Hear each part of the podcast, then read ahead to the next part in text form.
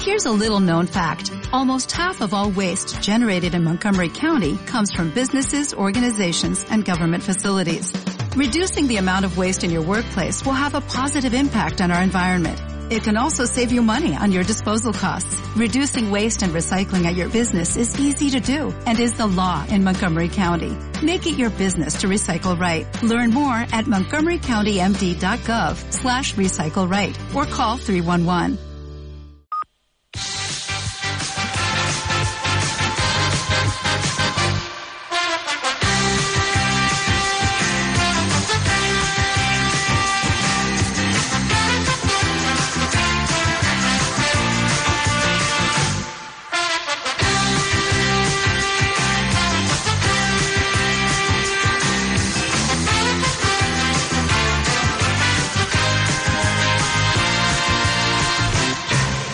Noches, gente guapa, simpática y maravillosa de este país deportivo. A esta hora de la noche. Ya sabéis que Ramos vuelve al Sevilla. Importante noticia para la futbolista española. 37 años. Perdona 20 millones de euros que se iba a llevar en Arabia Saudí. El bueno de Canalita Ramos.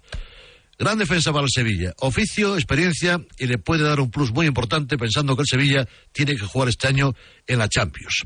Otra noticia importante. Yao Félix. Ya es oficial lo dice la Liga. Va a percibir del Barcelona 8 millones de euros de sueldo, de ficha. O sea que, hombre, no va regalado, pero menudo favor le hizo el Atlético de Madrid, que quizá, como le debía 20 millones a Barcelona por el asunto de Griezmann, a lo mejor ha entrado ahí en la operación de la pasta que quería el Atlético para compensar la marcha, la cesión de Joao Félix al equipo azulgrana.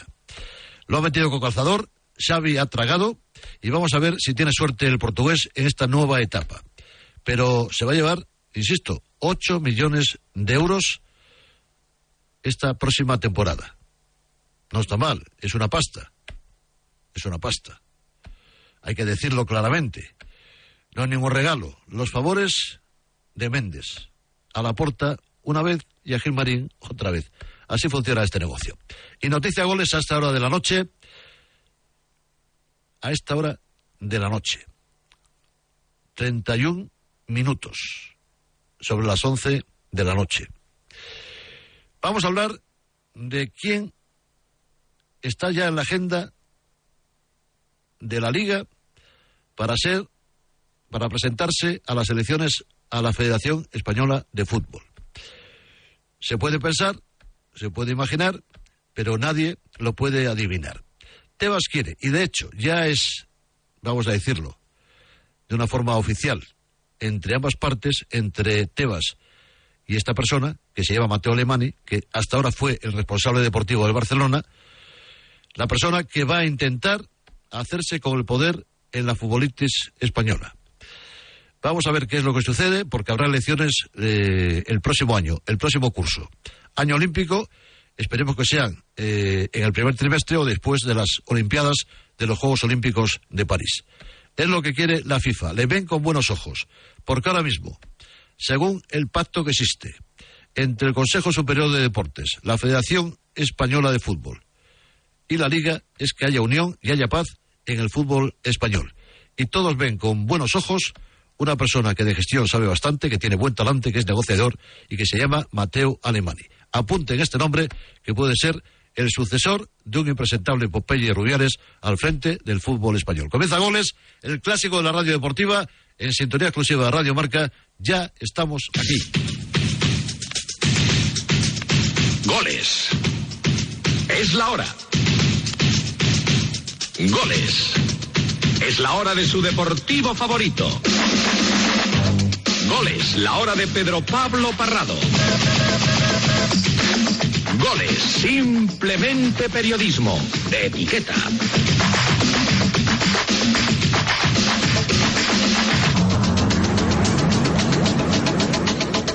Se para la liga, llega la selección, de nuevo la roja escena, partidos clasificatorios para la Eurocopa, primero en Tiflis, en Georgia, y luego en Granada, en nuestro país, frente a la selección de Chipre. Miguel Ángel Toribio, amigo mío, muy buenas noches. ¿Qué tal, Parrado? Buenas noches. ¿Cómo ha visto la selección, querido mío? La he visto arropada. Eh, cerca de mil personas, quizá un poquito menos en la grada, en la única grada que tiene el campo principal de la ciudad del fútbol de, Las Rozas, con mucho niño y la verdad que había bastante expectación para ver el recibimiento de los jugadores eh, cuando pisaron ese tartán, antes de pisar el césped. Y la verdad que ha sido ovación, aplauso unánime.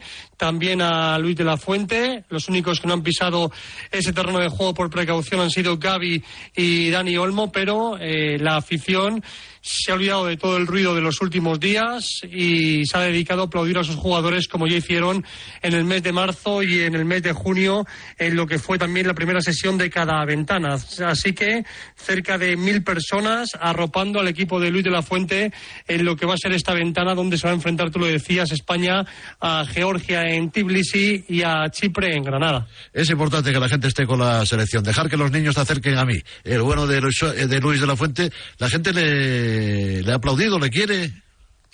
Bueno, el más aclamado ha sido José Lu. Después también Rodrigo Hernández.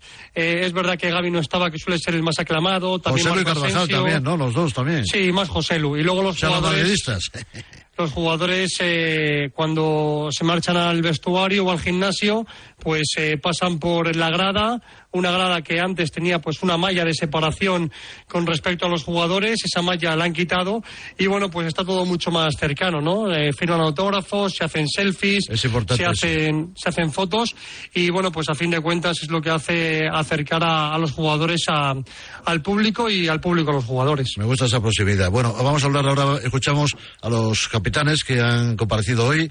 Han tardado ya unos cuantos, eh, bastante tiempo, tienen que haber aparecido antes para apoyar un poquito a la selección femenina y también reprochar un poco el comportamiento inapropiado de Rubiales, ¿no? Sí, a ver, ha sido un comunicado corto, conciso, que ha leído Álvaro Morata en nombre de los 24 jugadores. Eh, han estado todos en la sala, junto a Morata han estado el resto de capitanes, Azpilicueta, Marco Asensio y Rodrigo Hernández. Me cuentan que es un comunicado bastante complicado de elaborar porque tienen que estar todos de acuerdo, que han medido cada palabra, al punto que es evidente que todos estaban de acuerdo en felicitar a, la selección española de Jorge Vilda, a la selección femenina, y después, a la hora de redactar el párrafo de Rubiales, era más complicado. No ha pronunciado Álvaro Morata el verbo condenar, no han dicho que condenan las eh, actitudes de, de Luis Rubiales, pero sí que consideran ese beso una actitud inapropiada.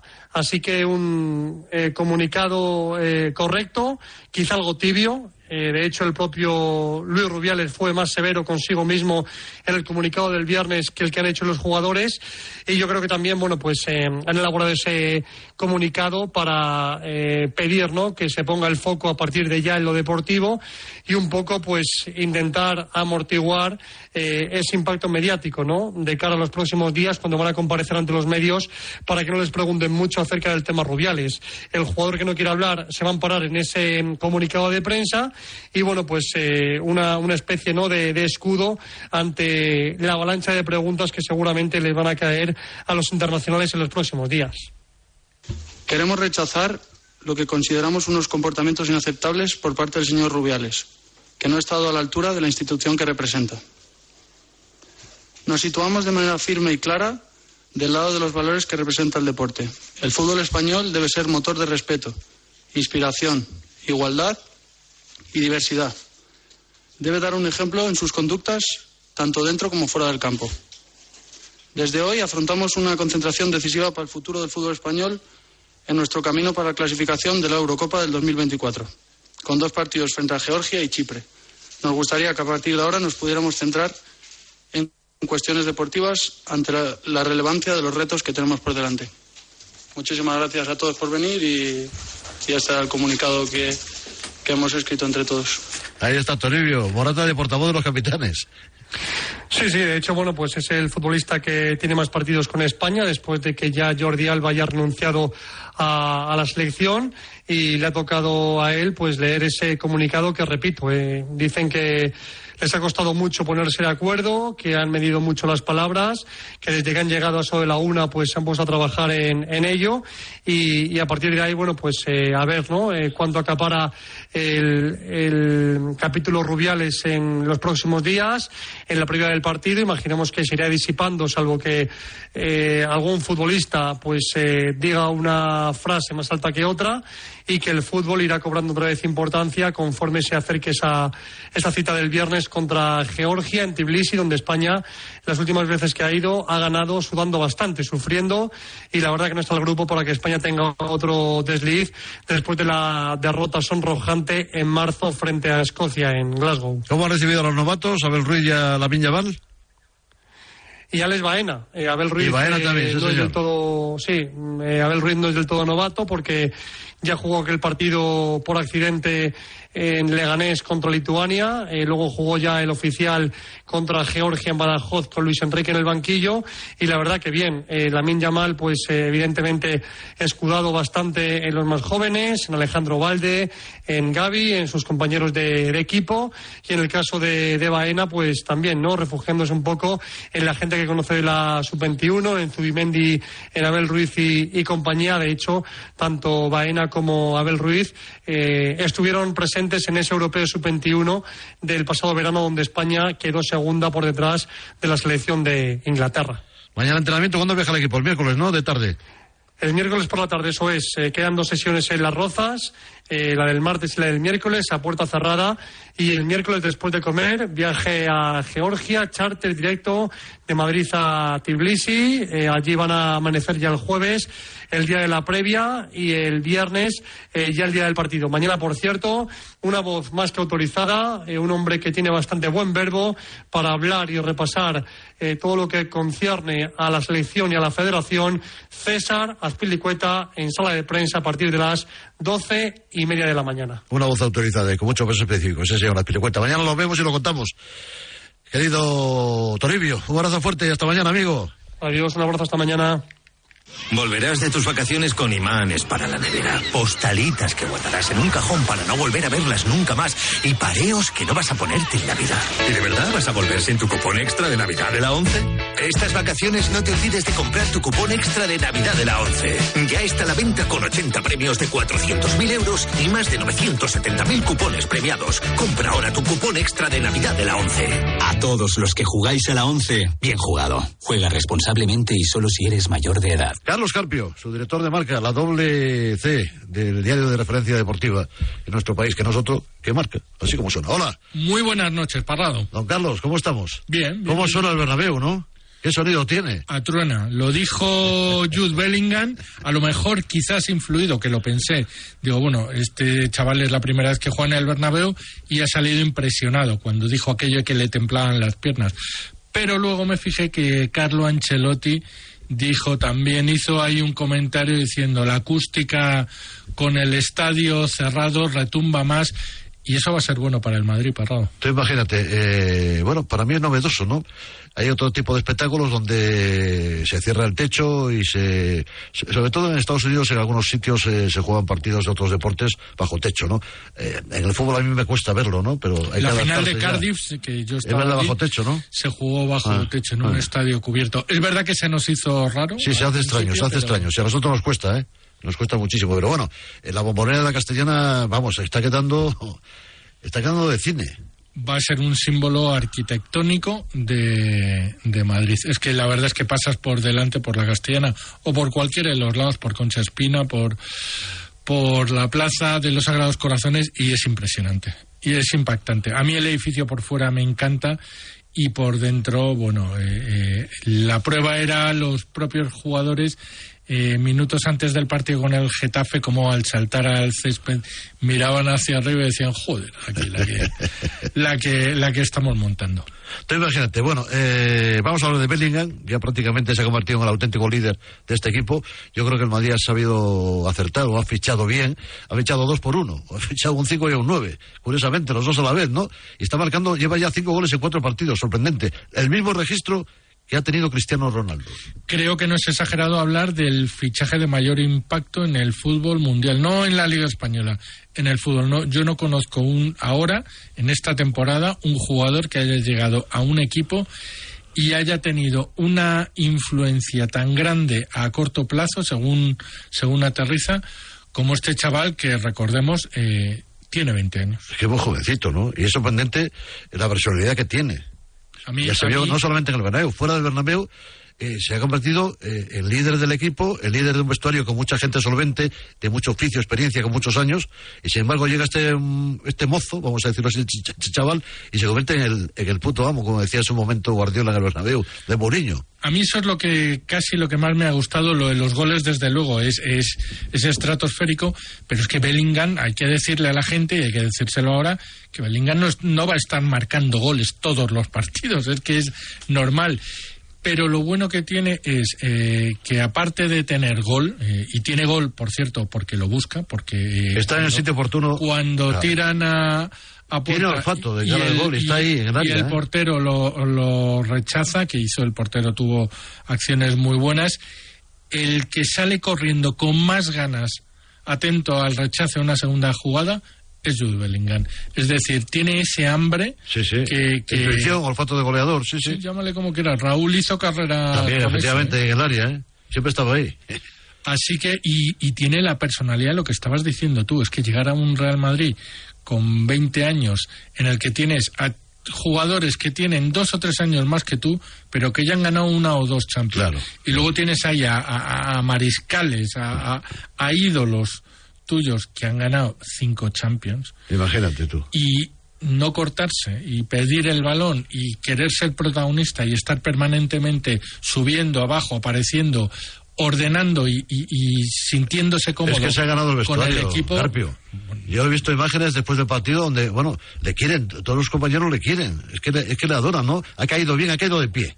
Sí, sí, sí. Y, en- y esto, bueno, es evidente, pero no va a ser flor de un día. Llegarán partidos en los que Jude Bellingham no tenga el, la No esté racha no acertado, goleadora, pero un jugador con esa personalidad y con esa calidad y ese despliegue físico le va a dar, pero mucho, mucho, muchísimo al Real Madrid. Yo creo que, que los blancos, eh, no es exagerado decir que han hecho ya un, un fichaje que, que puede marcar una, una década.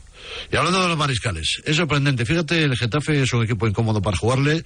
Lo pasó mal el Madrid en la primera parte, luego en la segunda fue un rodillo, pudo meterle ocho goles. Si no es por Soria, le mete ocho goles. Entre los palos y Soria, vamos a salvar una ¿qué es lo que cambió entre la primera y la segunda parte? Pues las de- la, la entrada de Kroos y de, y de Modri. Correcto. Eso se Yo- nota mucho, ¿eh? Yo creo que vamos a ver mucho a Kroos y a Modric en los partidos en el Bernabéu ante equipos de este perfil, equipos que se te cierran, que no te conceden espacios, que no te dejan correr, no te dejan imponer esa superioridad física. Eh, aunque Ancelotti, como el otro día, eh, tire de, de alguno de, de ellos en, en el inicio del partido, pero mm, mm, va a ser una fórmula que creo que el técnico italiano va, va a recurrir mucho a ella, la de la de darles mucho vuelo en estos partidos, porque es que al final, bueno, eh, se vio en el caso de Kroos es que fue, hubo un partido antes y otro después. Hubo un Getafe antes y otro después. Un equipo que había sujetado y que había domado al Real Madrid, de repente le aparecieron, le empezaron a aparecer vías de agua y ese era el alemán poniendo balones donde, donde más daño le Es hacía. sorprendente lo de Kroos, es como cambia el juego del equipo. Es- es- Y Modri también. Y fíjate que daba la impresión de que estaba un poco, un poco mosqueado porque no les daba minutos, titularidad. Pero bueno, yo creo que sabe manejarlo bien Ancelotti eso. A mí me parece que esto lo ha cuidado con muchas conversaciones Sí. con ellos. O sea, les ha dicho, vais a tener momentos seguro y quiero ver yo en los partidos importantes cuando lleguen eh, qué rol juegan. También es que nos tenemos que acostumbrar con este fútbol de ahora.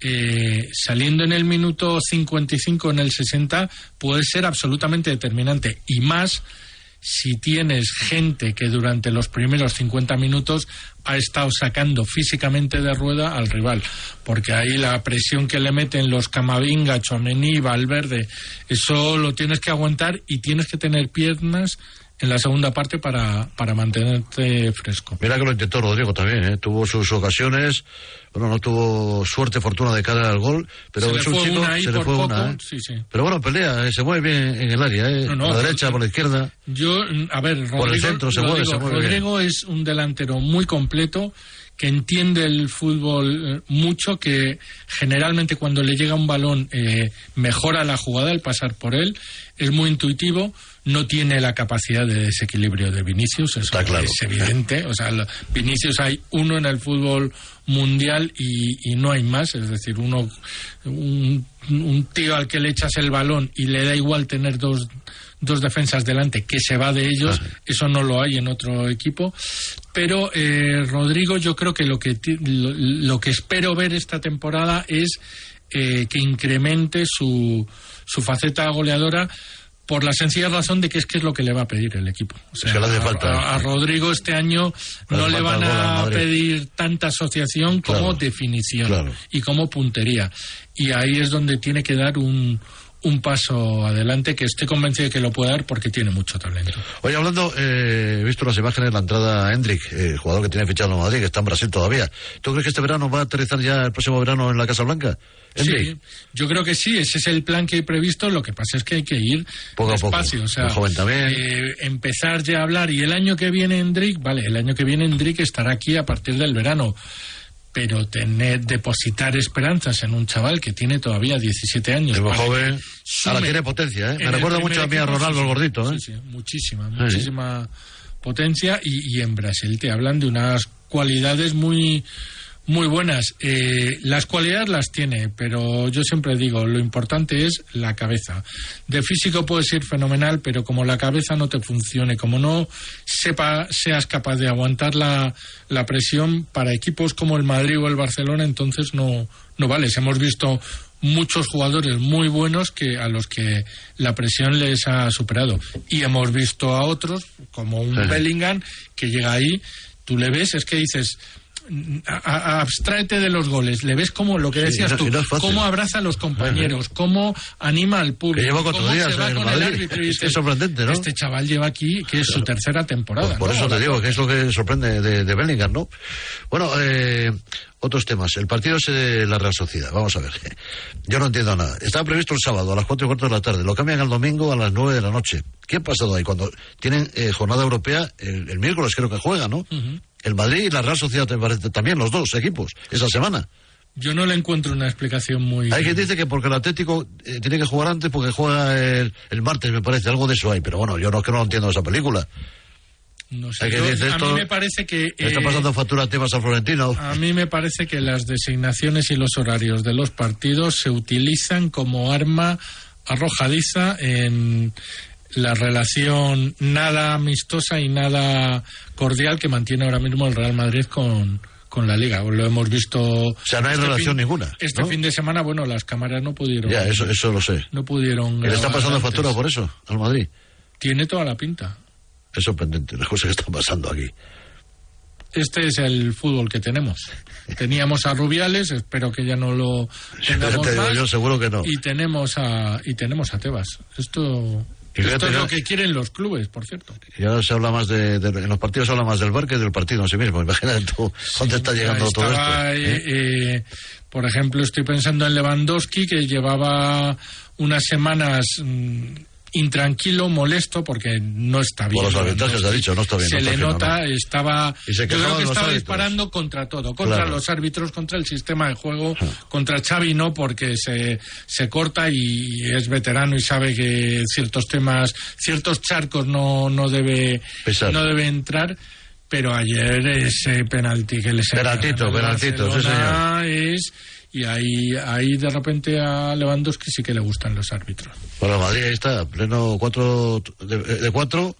Tiene mérito, 12 puntos. Tiene, tiene mérito por, por esas tres salidas en, Claro, en cuatro partidos, llegar al primer parón eh, eh, invicto está, es, es un registro importante y que le va a dar tranquilidad a un Real Madrid que, que yo sigo diciendo y sigo insistiendo y lo digo ahora en que está Que le falta un nueve. en racha, que le falta un 9, correcto. Estamos de acuerdo. Eso es. Ay, Carpio. Mañana más y mejor, ya lo sabes, amigo mío. Perfecto, un abrazo, Parrado.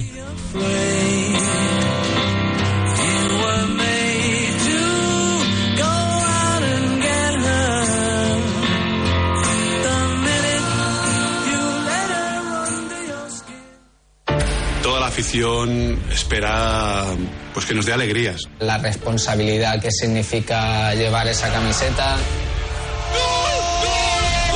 Cada partido es una puta guerra. Sabíamos que teníamos que apretar los dientes ya.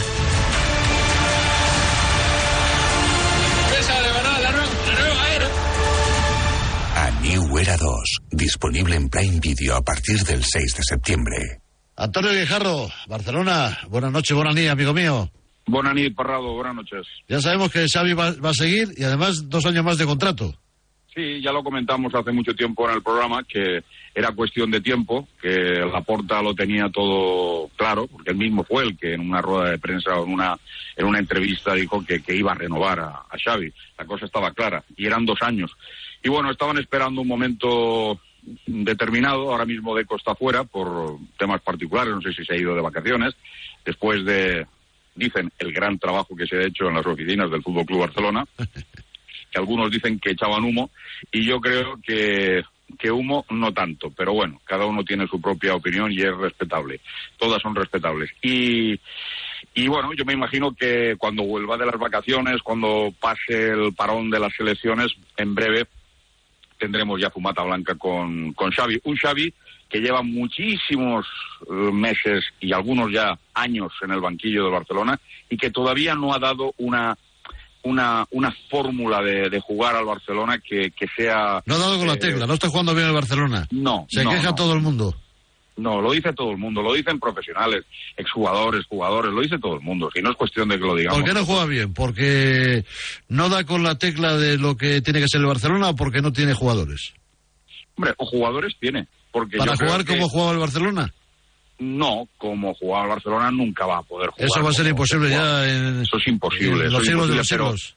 pero ya quisiera Ronald Koeman, que en eso sí que tenía razón. Cuando sale a destiempo a criticar, no, pero cuando ha dicho las verdades de los arqueros, sí que estoy totalmente de acuerdo con él, que él no ha tenido la oportunidad con la portada de tener toda la inversión que, que- que el presidente le está haciendo a Xavi. Es, que no hay ninguna excusa, verdad. no hay ninguna excusa, este Parrado, no hay ninguna excusa. Ahora, eh, eh, Xavi tiene que jugar bien.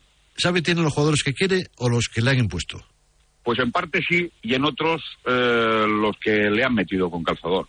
Hablamos claro, eh, Pedro. Ya Sí, sabes sí, claro, nosotros con- claros. a la audiencia clara. Aquí no vamos con medias tintas, ni vamos diciendo, sí, sí, sí, maravilloso todo. Incluso ya te dije que en el momento que ficharan a Joao Félix iba a salir el señor Xavi Hernández y iba a decir, no, no, si a mí me gusta Joao Félix, si a mí me encanta, evidentemente lo Ese jugador dice que tiene sitio para jugar en este equipo. Yo lo dudo por una razón. Es muy buen futbolista técnico, y eso lo hemos visto en el Atlético de Madrid, incluso en algunas pinceladas con el Chelsea. Es un jugador Y- que tiene talento, sí, señor. Tiene clase, Sí, tiene, talento y eso es bueno. indiscutible. Y el que diga lo contrario no tiene ni puñetera idea. Pero Claro no, que tiene, tiene talento. no, no tiene sangre. Es un Eh, fría. efectivamente, ese es el problema. Que el Barcelona es un equipo que, tal y como quiere jugar Xavi, es con la presión alta, con la presión arriba. ¿Va a poder aguantar eh, Joao Félix ese tipo de, de presión que incluso en el Atlético de Madrid también le exigía el Cholo? Ese es el problema. Ese es el problema. Y además, hay una cosa muy clara. Tú tienes en el centro del campo un rombo, un cuadrado, como lo quieras dibujar, me da igual. Eh, Oriol Romeu va a jugar. Eh, Frenkie de Jong va a jugar porque está en un estado El, el espectacular. mejor, Frankie de Jong. Efectivamente, espectacular. Me recuerda en parte casi al que vimos en el Ajax en su momento. Y luego tienes a, a que va a jugar por decreto, lo tengo claro, porque tiene calidad, aunque todavía no es un jugador determinante, como por ejemplo lo pueda ser Bellingham en el Real Madrid, que se sale. Y luego hay una cuarta plaza. Ayer vimos en el Sadar, vimos a, al chavalín, a Gaby. Gaby es un jugador que sí que le da esa eh, presión alta que el eh, Barcelona... O- se sacrifica Xavi- Gaby, lucha, pelea. Claro, y claro, ¿vas a quitar a este jugador por meter a Joao Félix? O en su momento que vayan intercalándose Joao Félix y Hombre, Gundogan no, no es fácil, porque ahora mismo está dándole la confianza a Gaby, Lewandowski por el centro y a, y a la Minya Val por la otra banda. Sí, a Villamal y en su defecto a Rafinha. es que el Barcelona... Y Ferran Torres, que está ahí también. Sí, sí, pero bueno, bien, pero pero sí, y está, y hay que hay que tenerle un respeto. Pero tú fíjate con la composición del lugar y con los fichajes y con los con las con las marchas de, de algunos jugadores. De- Dejas que se marche Ansu Fati. Venga, vamos a dejarle porque aquí no tiene confianza del entrenador. Dejas que se marche traspasado Abde. Y de repente te quedas con Lewandowski, no ha venido Pito Roque, te quedas con Rafinha y te quedas con, con, con la milla mal. Y en un momento determinado, como tú me hubieras dicho, Ferran Torres. ¿Y, y qué? ¿Y qué más? Y, y una temporada es muy larga, son muchas competiciones. Hay una lesión, por desgracia, hay una sanción. ¿E- ¿Esto está bien organizado? Yo creo que no. Y claro, como tú muy bien dices, hay jugadores que le han metido con calzador y este puede ser un problema. Pero bueno, cada uno es responsable de sus palabras. Claro, tiene que asumirlo. Evidentemente, uno ya ha dicho lo que tenía que decir en múltiples ruedas de prensa y el tiempo pondrá o quitará razones al señor Xavi Hernández. Lo que está claro es que Laporta le prometió que iba a renovar y al final renovarán. Lo que no sé, porque no se aclara nadie y no dicen ni mu, es el tema económico. Me imagino que algo más de lo que en su momento le pagó al señor Xavi Hernández cuando fichó. Y lo de Joao Félix, ¿qué pasa? A ver, eh, vamos a ver, yo estoy convencido que el, el Barcelona le va a pagar la ficha que tenía en el Atlético de Madrid. No, no hay más dinero, la ficha pura y dura. Yo y estoy convencido de que hasta esto tiene que ha podido hasta rebajarse un 30% de lo que cobraba en el Atlético. No digo que no. Totalmente de acuerdo. No digo Mira, que no. Yo, yo he estado dándole vueltas y he estado indagando y a mí, a mí, ya que el Barcelona no, no nos mintió a todos cuando entró el señor presidente y su junta directiva diciendo que, que no se preocupen que iba a haber más transparencia que en tiempos de Bartomeu y creo que hay menos incluso que en la de la época de Bartomeu, aunque las dos son similares, nefastas por cierto, a nivel de gestión de día a día. El- el- a mí lo que me da vueltas a la cabeza es que hay 20 millones que eh, el Atlético de Madrid le debía al Barcelona. Y ese dinero no tenemos constancia de que el Barcelona lo haya cobrado, porque no han dicho nada.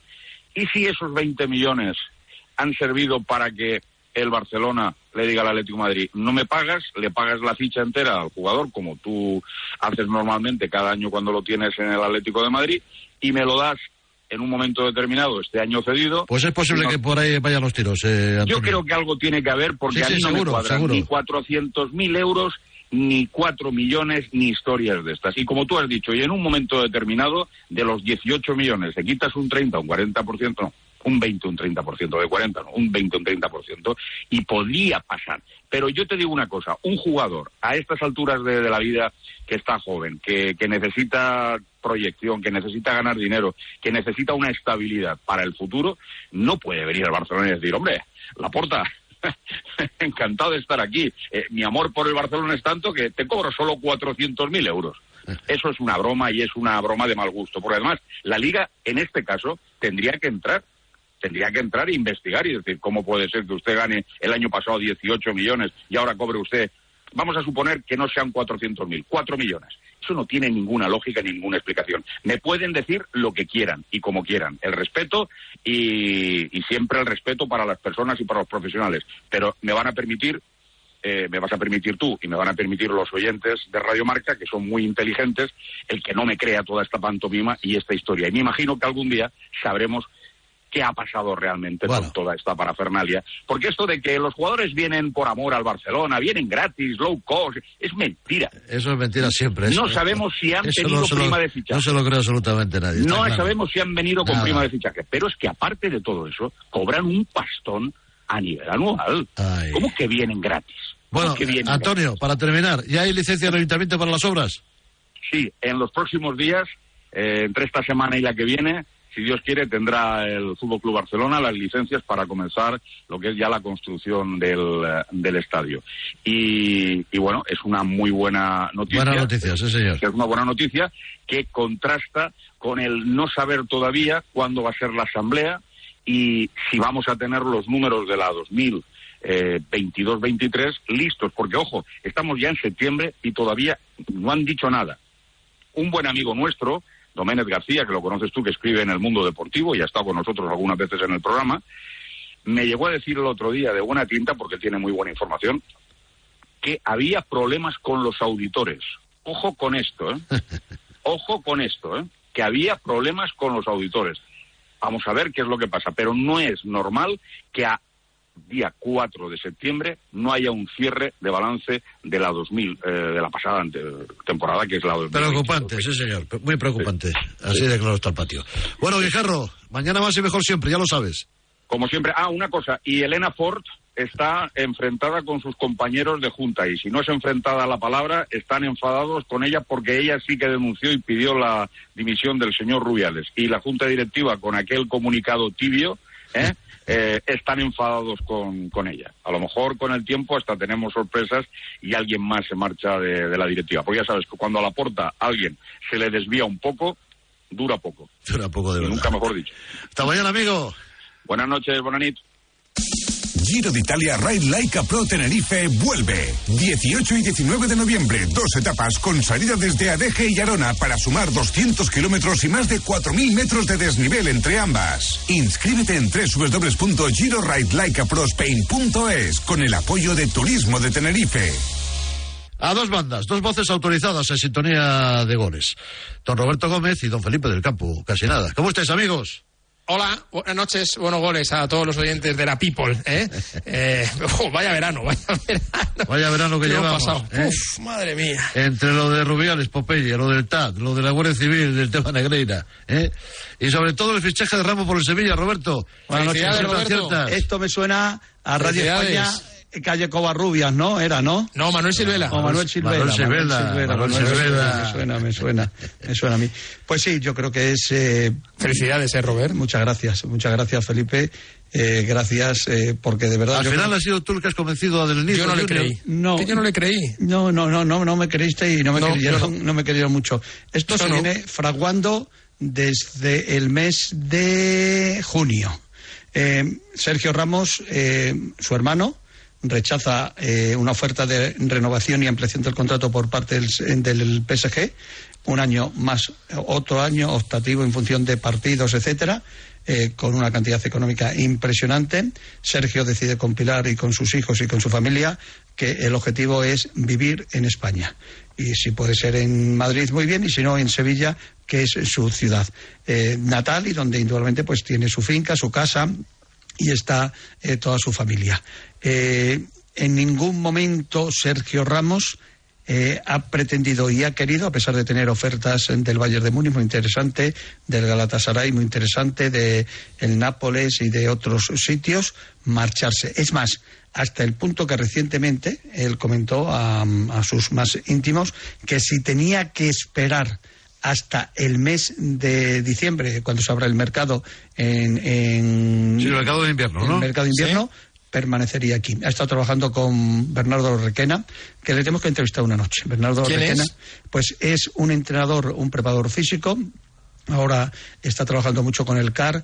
Él mm, estuvo. ¿Era tres- con, quien- con el que entrenaba en la ciudad del fútbol, en Las Rozas? Sí, eh, no, sí, entraba con él, con él en las Rozas Sí. y entrenaba también con eh, este bueno estuvo en el Real Madrid en dos años con Zidane y luego tu- tuvo allí un desencuentro eh, con uno de sus compañeros eh, preparadores físicos eh, se marchó eh, han llevado una máquina especial luego si os apetece digo que es una máquina que, que la tiene algunos equipos que la están comercializando, ha estado trabajando duro mañana tarde, hasta el punto que eh, Bernardo estaba de vacaciones en Huelva, dejó las vacaciones de Huelva para estar entrenando ahí y le dijo textualmente a Sergio, quiero que me pongas eh, eh, fino y que me pongas eh, para jugar el Está muy bien, Ramos, eh, con el 37 Sevilla". años, se cuida, es que se ha cuidado mucho. Claro. Ha estado entrenando mañana tarde eh, con la preparación física es exhaustiva y luego ha tenido tres personas que para él han sido claves en todo esto.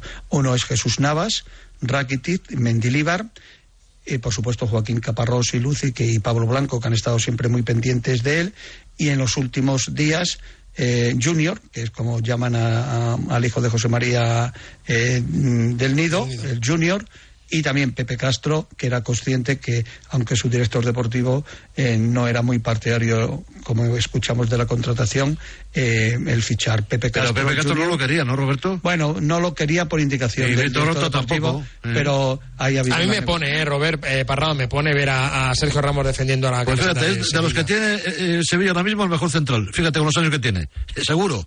De Bueno, los y que para, tiene el Sevilla ahora para, mismo. para la Champions y para, Claro, para claro, la Liga claro. es un cromo muy chulo. O sea, ya vamos a estar pendientes de cómo le va al Sevilla de Ramos.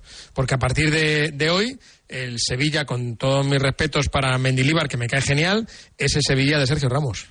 El Sevilla de Además, Ramos. Felipe, que es un futbolista por sus características, por su manera de jugar, hombre, indudablemente hay un sector del sevillismo que al principio, eh, sobre todo los sí guiris, pues sí eh, eh, le tuvieron que, eh, se ha tenido que hablar con ellos y decir, oye, que esto es bueno para el equipo. Hombre, yo he visto encuestas hoy eh, de que hablaban ya de un 80-20 y algunas hasta de un 90 que eran favorables a que Sergio Ramos eh, volviese. Yo creo que eh, lo acaba de decir Pedro eh, Felipe es indudablemente un fichajón. Sí, sí, es yo creo que para mí, o sea, ojo, eh, eh, que desde, desde el fichaje de Maradona por el Sevilla no creo que ningún fichaje hubiera sido porta de marca, Felipe. No, no, no. Yo creo que a mí me ha llamado la atención, creo que ha sido un acierto eh, ver la portada de Sergio Ramos, que quizás estábamos un poco acostumbrados a oye, Sergio vendrá o no vendrá. Yo la, la primera persona que le escuché fue a Roberto, no le creí, le tengo que decir, como muchas otras No, pero tantas- nadie lo creía, Felipe. como muchas otras veces. El regreso como de, el de fichaje de Ramos. Kepa. Y bueno, es que también ha dicho el de Kepa este También lo ha verano dicho, y, sí, y tampoco le, he creído. Bueno, pero él, él da igual, él que sigue dando las noticias, yo no le Y creo, el pero al de Barcelona que te lo di a ti, Parrado, y no me diste ni bola. ¿Qué fichaje de quién hablas? El de Joao Félix que te dije, Ah, yo, Félix. No, no, fíjate, vamos, ya te digo yo.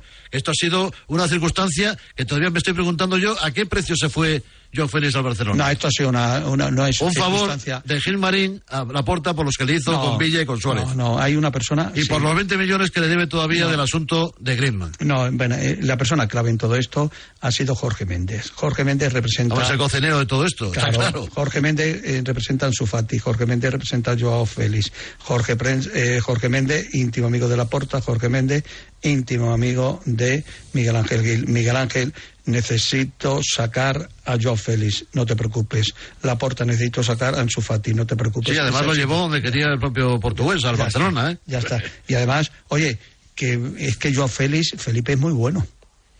Claro, yo, a, a ver, yo, la cara de acelga que tiene. eh, es miga al fría, Felipón, es miga fría. Londres que me dijeron que es que el tiempo, que tal. Pues, oye, ayer le vi por lo menos una mueca ya. Dije, oye, algo por lo menos ha, eh, eh, ha cambiado en el rostro. A mí me parece muy buen futbolista, pero creo que hasta a día de hoy me parece sobrevalorado. Eh, eh, Joao Félix. Que en el Barça es un. A mí es que yo, yo soy- ya sabéis que soy mucho de cromos. A mí que aparezca Joao Félix, que aparezca Sergio Ramos, que aparezca Cancelo, eh, ju- jugadores en, en- en la liga. El fichaje, por ejemplo, del Getafe me parece muy interesante. Yo creo que eso es bueno. Es bueno para la competición y además estás pendiente de. de- de- ¿Va a de- funcionar el British en el Getafe? Bueno, los ingleses, y Bellingham le está haciendo la regla, Roberto y tú lo sabéis desde hace muchos años, no son futbolistas que en la Liga Española acaben cuajando. Lo de Bellingham ¿Os es acordáis de sorprendente, Lineker que pinchó? Sí, Cunningham eh, pinchó, Beckham pinchó. Eh, Cunningham, el pobre que en paz descanse. Claro, pinchó. pasó. McManaman. Sí. McManaman, Bueno, este del- McManaman dio un Funcionó, resultado funcionó, muy sí, bueno, sí, ¿eh? dio resultados, sí. El, el del Atlético de Madrid, este que era. ah, eh, descendió a segunda con, con él. Este inglés. Que mar- no, eh, no, no, no. seguro que me voy a acordar ahora. Eh, bueno, pues son jugadores que en, la, que en la Liga Española no han acabado de coger. Woodgate, el central del Real Madrid, Woodgate, tampoco sí. funcionó, ¿verdad? En fin. eh, No, pero vamos, estamos hablando, si, Felipe, si hablamos, eh, Pedro Oyentes, de, de goles de Bellingham, esto es un- algo sin precedentes en la historia. Es verdad, sí, señor, ¿eh? O sea, Nunca he una visto caso adaptación parecido, ¿eh? De un chaval que, mar, eh, que marque 20 cinco años, ¿eh? goles con 20 años, que sepa adaptarse a un equipo donde está Modric, Kroos, Vinicius, en Rodrigo, eh, donde está indudablemente lo mejor que puede haber en el fútbol español, con una proyección eh, como puede ser Camavinga, eh, eh, con Álava, y, o sea, le- el integrarse, lo ha dicho Ancelotti hoy ayer, y yo estoy sorprendido, tiene calidad, es cierto, lo ha demostrado y lo hemos visto, ojo que ha sido el futbolista más joven en la historia de la selección inglesa de marcar un gol, que es titular indiscutible con Inglaterra, que es un jugador relevante, pero vamos, yo- es que además está jugando muy, muy bien. O Mira, sea, me apunta Sergio Torres, que están todos Hasselban, ¿os acordáis? El Hasselbank, jugador inglés sí. que, Jimmy que, que, que no acabó de, de cuajar.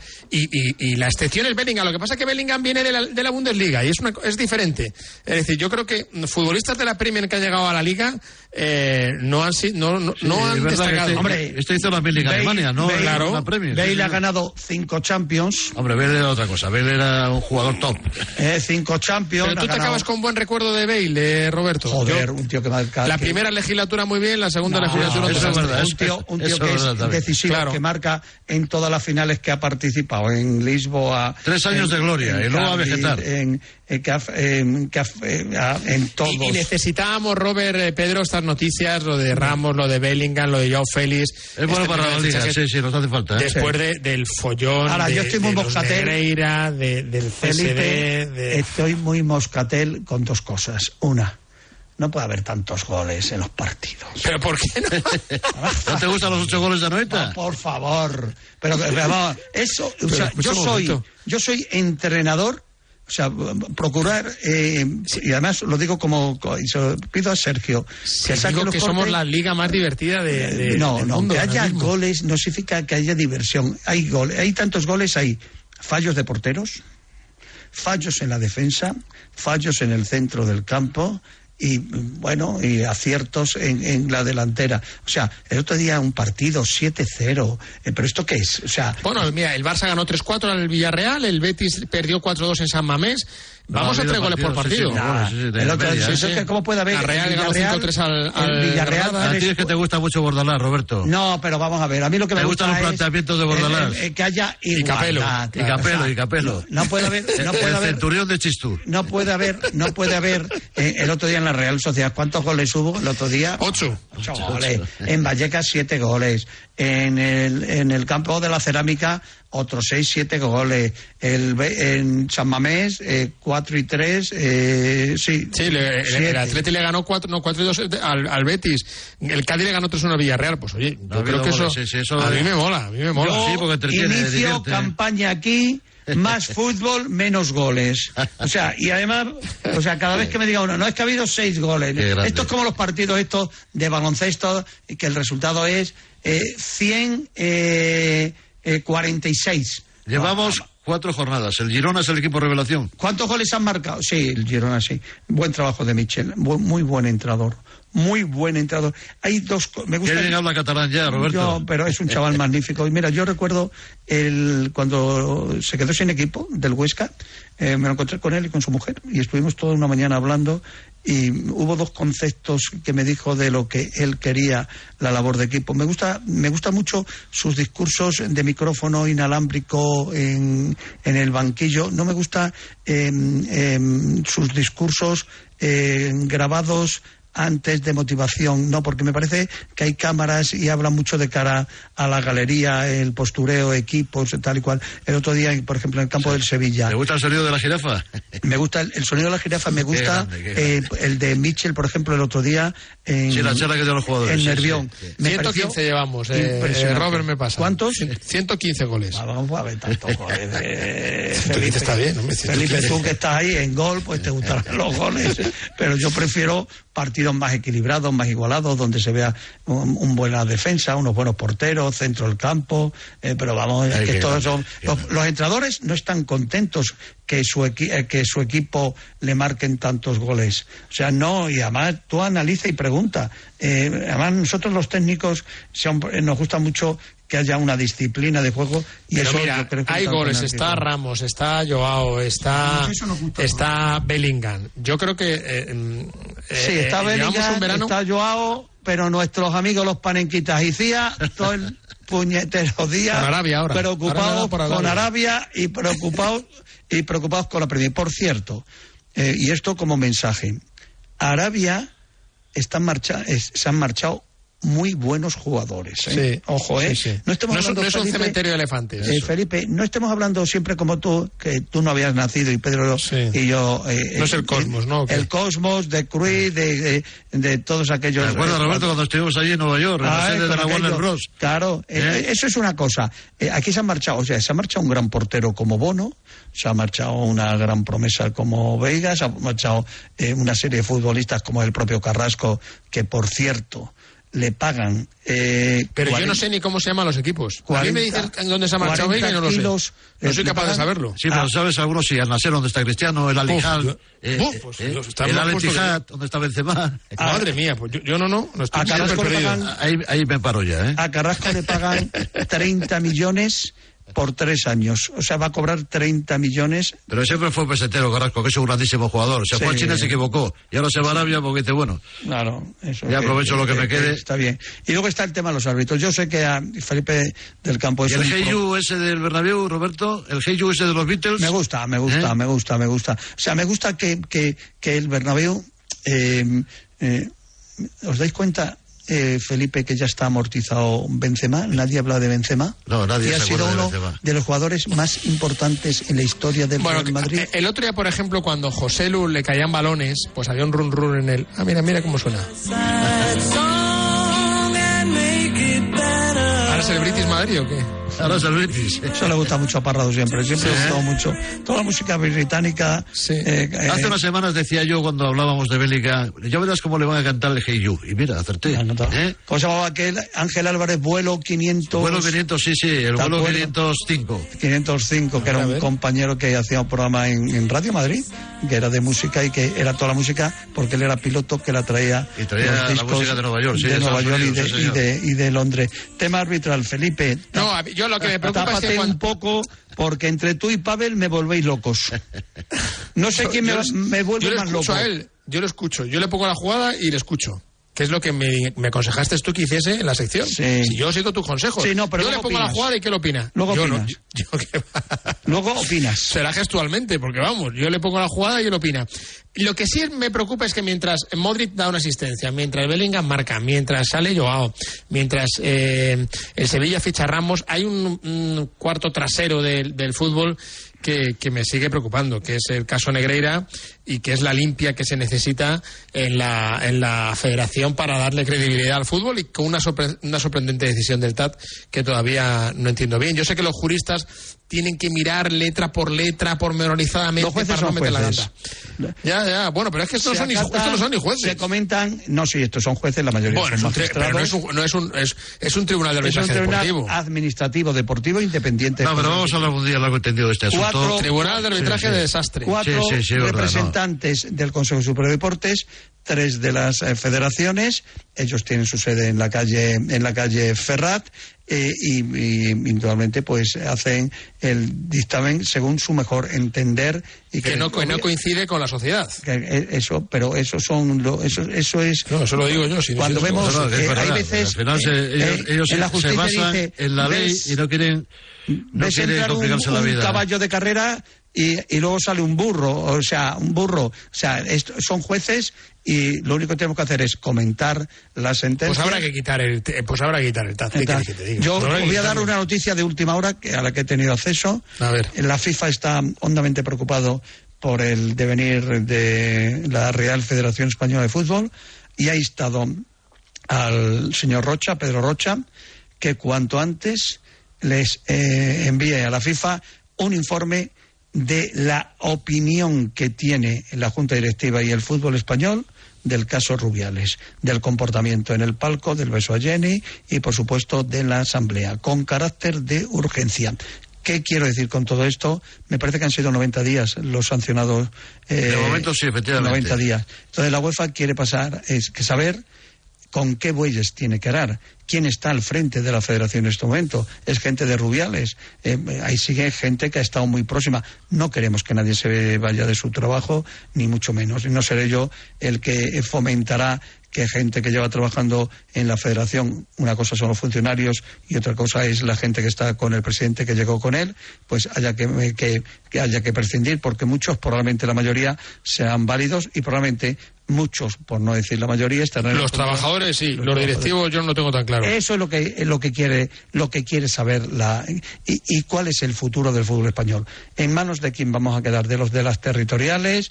Porque es que yo yo yo Roberto, mira, eh, eh, los trabajadores de la Federación que son magníficos y que han pasado por diferentes situaciones no tienen la culpa, pero yo ahora mismo eh, eh, ver a, a, en la gallega y, y, no ver a un futbolista representativo del Depor como Fran, por ejemplo, ver en la, en la madrileña a nuestro amigo Paco Díez que, que, no representa, que la gente no sabe prácticamente ni quién es, y no ver, por ejemplo, Iker Casillas. Yo creo que ese tipo de directivos deberían dar un paso al costado. Ese tipo de directivos ya no pueden estar ni Peláez, ni eh, eh, Landeta, ni Delamo, ni Fley. Para eso hay que cambiar la ley ya, eh, eso es verdad. hablabas de Paco Díez. Paco Díez es una persona que ha hecho una labor y que está haciendo una labor y que probablemente sea el presidente que más, de todas las territoriales, que más está trabajando para que eh, Luis Rubiales no siga al frente. Lo que momento es el que ha propuesto la moción de censura. De momento es el que le ha dicho a Pedro Rocha que si en el plazo de una semana no hay cambio, que va a intentar convocar una junta para indudablemente decirle que no puede seguir al frente y es el que está manteniendo conversaciones. Sí, lo sé, y es buena persona, pero, pero durante. yo estoy hablando de la calidad de personas que para mí, aparte de una excelente persona, es un magnífico amigo mío, pero que dentro de ese grupo que hay de. Por ejemplo, el, presidente de la Valenciana, nuestro amigo Salvador Gomar, ¿eh? hay, hay muchos presidentes que están y que han estado siempre en contra de Rubiales y que Rubiales les ha pasado. sí, sí, sí, sí, sí, sí, te lo digo yo, te lo digo yo. Bueno, para terminar, que se nos va el tiempo, vamos a ver. Eh, Bilda, ¿cuánto va a durar? Pues, hombre, eh, yo espero que primero se le escuchen. Eh, ¿Quién tiene que tomar la decisión? Unos señores que no han sido capaces de conseguir la dimisión de, eh, de Luis Rubiales. Eh, unos señores que no han conseguido hablar con el presidente, decirle que se marche y sí van a conseguir eh, que eh, Bilda, que tiene contrato en vigor. Tiene contrato, efectivamente, tiene un año más de contrato. El presidente eh, Yo creo que debe negociar la salida y mira, porque tal, y como está la situación, lo mejor para, para nuestro amigo Bilda es que se vaya al extranjero. Sí, pero, pero tiene ofertas importantes. que, no se vaya. ya está, no pasa nada. Que no, a ver si. Y gracias por los servicios prestados porque ha, sido, ha sido campeón del mundo, ha ganado el mundial. Claro, pero a ver si Rubiales, yo te lo dije el primer día, yo creo que su futuro estaba clasificar a España para los Juegos Olímpicos, los Juegos y luego, indudablemente, marcharse al fútbol europeo. Pues a ver si resulta que Rubiales, por estas cosas de la judicatura, de estas cosas, vuelva a ser presidente. No va a volver, y ya te lo digo yo. Y a, y a, y a Bilda, a Jorge Bilda, eh, se, lo, carga, se lo carga. Pero se lo decimos por su bien. vamos a ver, Roberto. Su bien, su bien es. Igual que, hombre, nos gusta que Luis de la Fuente siga al frente de la selección. Su bien es que siga pues al frente de la selección. es contra natura, Roberto. Bueno, pues claro, pero, ¿qué jugadora? Si no tiene jugadora para seleccionar, ni, equipo técnico. Vamos a, ser, vamos a ver sensatos y coherentes. Claro, ha sido campeón del mundo. Es aconsejarlo, ya está. Ya, ya, ya vamos ya a más no se puede llegar. en lo deportivo, fantástico. En el, tema directivo, pues eh, sale en la foto del aplauso al presidente. Vale, muy bien. Pero y tiene además a todo el vestuario ya en contra. No, pero el presidente, su amigo, eh, que vaya amigo que tiene, le hace una gran faena diciéndole de una manera chusquera y cutre, oye, 500.000 euros o 400.000 euros. Pues ya está, Roberto. ¿Eh? Lo mejor que puedo hacer, yo creo que cada minuto que pasa pues eh, es, lo malo para él. Es lo más exacto. Es lo más exacto. nosotros como amigos tenemos que aconsejarle lo mejor. y eso es lo mejor. Sí, pero que tenga una salida... Eh, pues una salida digna como se merece, porque es campeón del mundo. Con, con, con una rueda de prensa. Y, fíjate, quedaría más retratado Luis Rubiales, porque este sí que dimitiría. Dirá, mira, yo creo que he sido campeón del mundo, el comportamiento que hubo por parte del presidente no fue bueno, probablemente me equivoqué en la asamblea han hecho eso los presidentes de las territoriales, tu amigo Medina Cantalejo y compañía, que también pues igual, también, sí, sí. Este, eh, Medina es amigo mío y también tiene que dejarlo. Y lo he dicho por activa y por pasiva. Sí, sí. ¿Entiendes? Completamente de acuerdo. bueno, me gusta escucharos, ¿eh? Estáis a tope. Sí, pero estáis en plena forma. Tienes ahí a tu favorito, a uno en Barcelona, a otro en no sé dónde, ¿eh? todas las noches metiéndote con la porta, que luego me encuentro a la porta y dice, ¿pero qué me ha hecho Parrado? Pero vamos a ver. Parrado. La puerta del tripón. ¿Cómo está? Que se cuide, que se cuide porque por su salud, que me se ha gustado. ¿eh? Me ha gustado Álvaro Morata, me ha gustado el comunicado de los jugadores. Un poco tarde, pero en fin. No, no, no, no empecemos tarde. y me hubiera gustado, que hubiera estado allí eh, David Zaganzo, el presidente, que me consta iba a solicitar También otro, sí, otro comunicado también ha sacado de la AFE, con el tema del, del TAD, ¿eh? de uno de los miembros del TAD. Del ¿eh? TAD, bueno. Pues nada. Bueno. Que, que un placer y a ver si te nos Roberto, llamas más. Nos no, llamas más. que no que te- últimamente. De los 365 días al año, 355 está Roberto Gómez. ¿eh? Últimamente- Y los otros cinco eh, en la televisión, en el desmarque. Sí, sí, no, pero te digo una cosa. Últimamente, cada vez que veo Sergio Parrado goles, digo. Venga, uh, que no llegas a la tele, Robert, que no llegas. ¿Sabe sabe el comunicado de Sergio, no? Y Oye, Felipe que- del Campo, directo gol, todos los fines de semana, ¿eh? en prime time, ¿eh? Dentro de poco más del fútbol. ya, ya, le anu- ya lo anuncio que habrá nueva temporada de los Robertos en, en Hombre, Europeo. ¿eh? ¿Cuándo empezamos? Pues en la primera jornada semana- dentro de 15 días. Claro, el Dentro de 19 15 empieza, días, ¿no? sí, El sí. 19 y Pero 18, martes sí, y sí. miércoles, ¿eh? que luego los jueves nos limpias. ¿eh? El jueves es que hay a balón parrado. A balón parrado. Oye, Ay. una cosa, que mensaje de Sergio. Oye, que hoy vamos muy cargados y dice Pedro que prefiere darte más tiempo. Qué bandido eres. ¿eh? Si eres el que más habla de todos.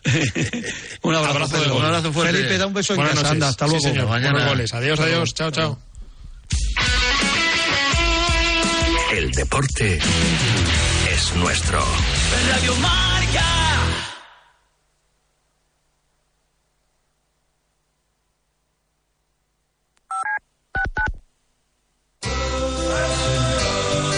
Ocurre lo escuchas en marcador con Pablo Parra. venir a la cabeza el nombre de Diego López. Hola Diego, ¿cómo estás? Muy buenas tardes. Por favor, que nos dejen tener esa comunicación con Juan Carlos Ferrero, que ahora creo que sí. Hola Juan Carlos, ¿qué tal? Muy buenas. Hola, ¿qué tal? ¿Cómo estás? Hola, de buenas tardes. nota para saludar a Susana Guas. Hola Susana, ¿cómo estás? Muy buenas tardes. Pues muy bien, además encantada de Los estar aquí. protagonistas del deporte primero en Radio Marca. De 7 a 11 y media hablamos de deporte. Simplemente periodismo. Monse, cáncer de mama, 45 años. Escúchame, cáncer. Me has cambiado la vida dos veces. La primera me pillaste desprevenida, pero uno aprende, ¿sabes? A resistir, a plantarte cara. No has acabado conmigo. Ahora me has hecho más fuerte. Valorar más las pequeñas cosas. He vuelto a sonreír y confiar en la investigación. En CRIS contra el cáncer damos esperanza a miles de personas creando tratamientos innovadores para que su vida no pare. CRIS contra el cáncer. Investigamos. Ganamos. Es mi cuarto. Es mi colega. Es mi dinero. Es mi móvil. Es mi play. Es mi amiga. Es mi elección.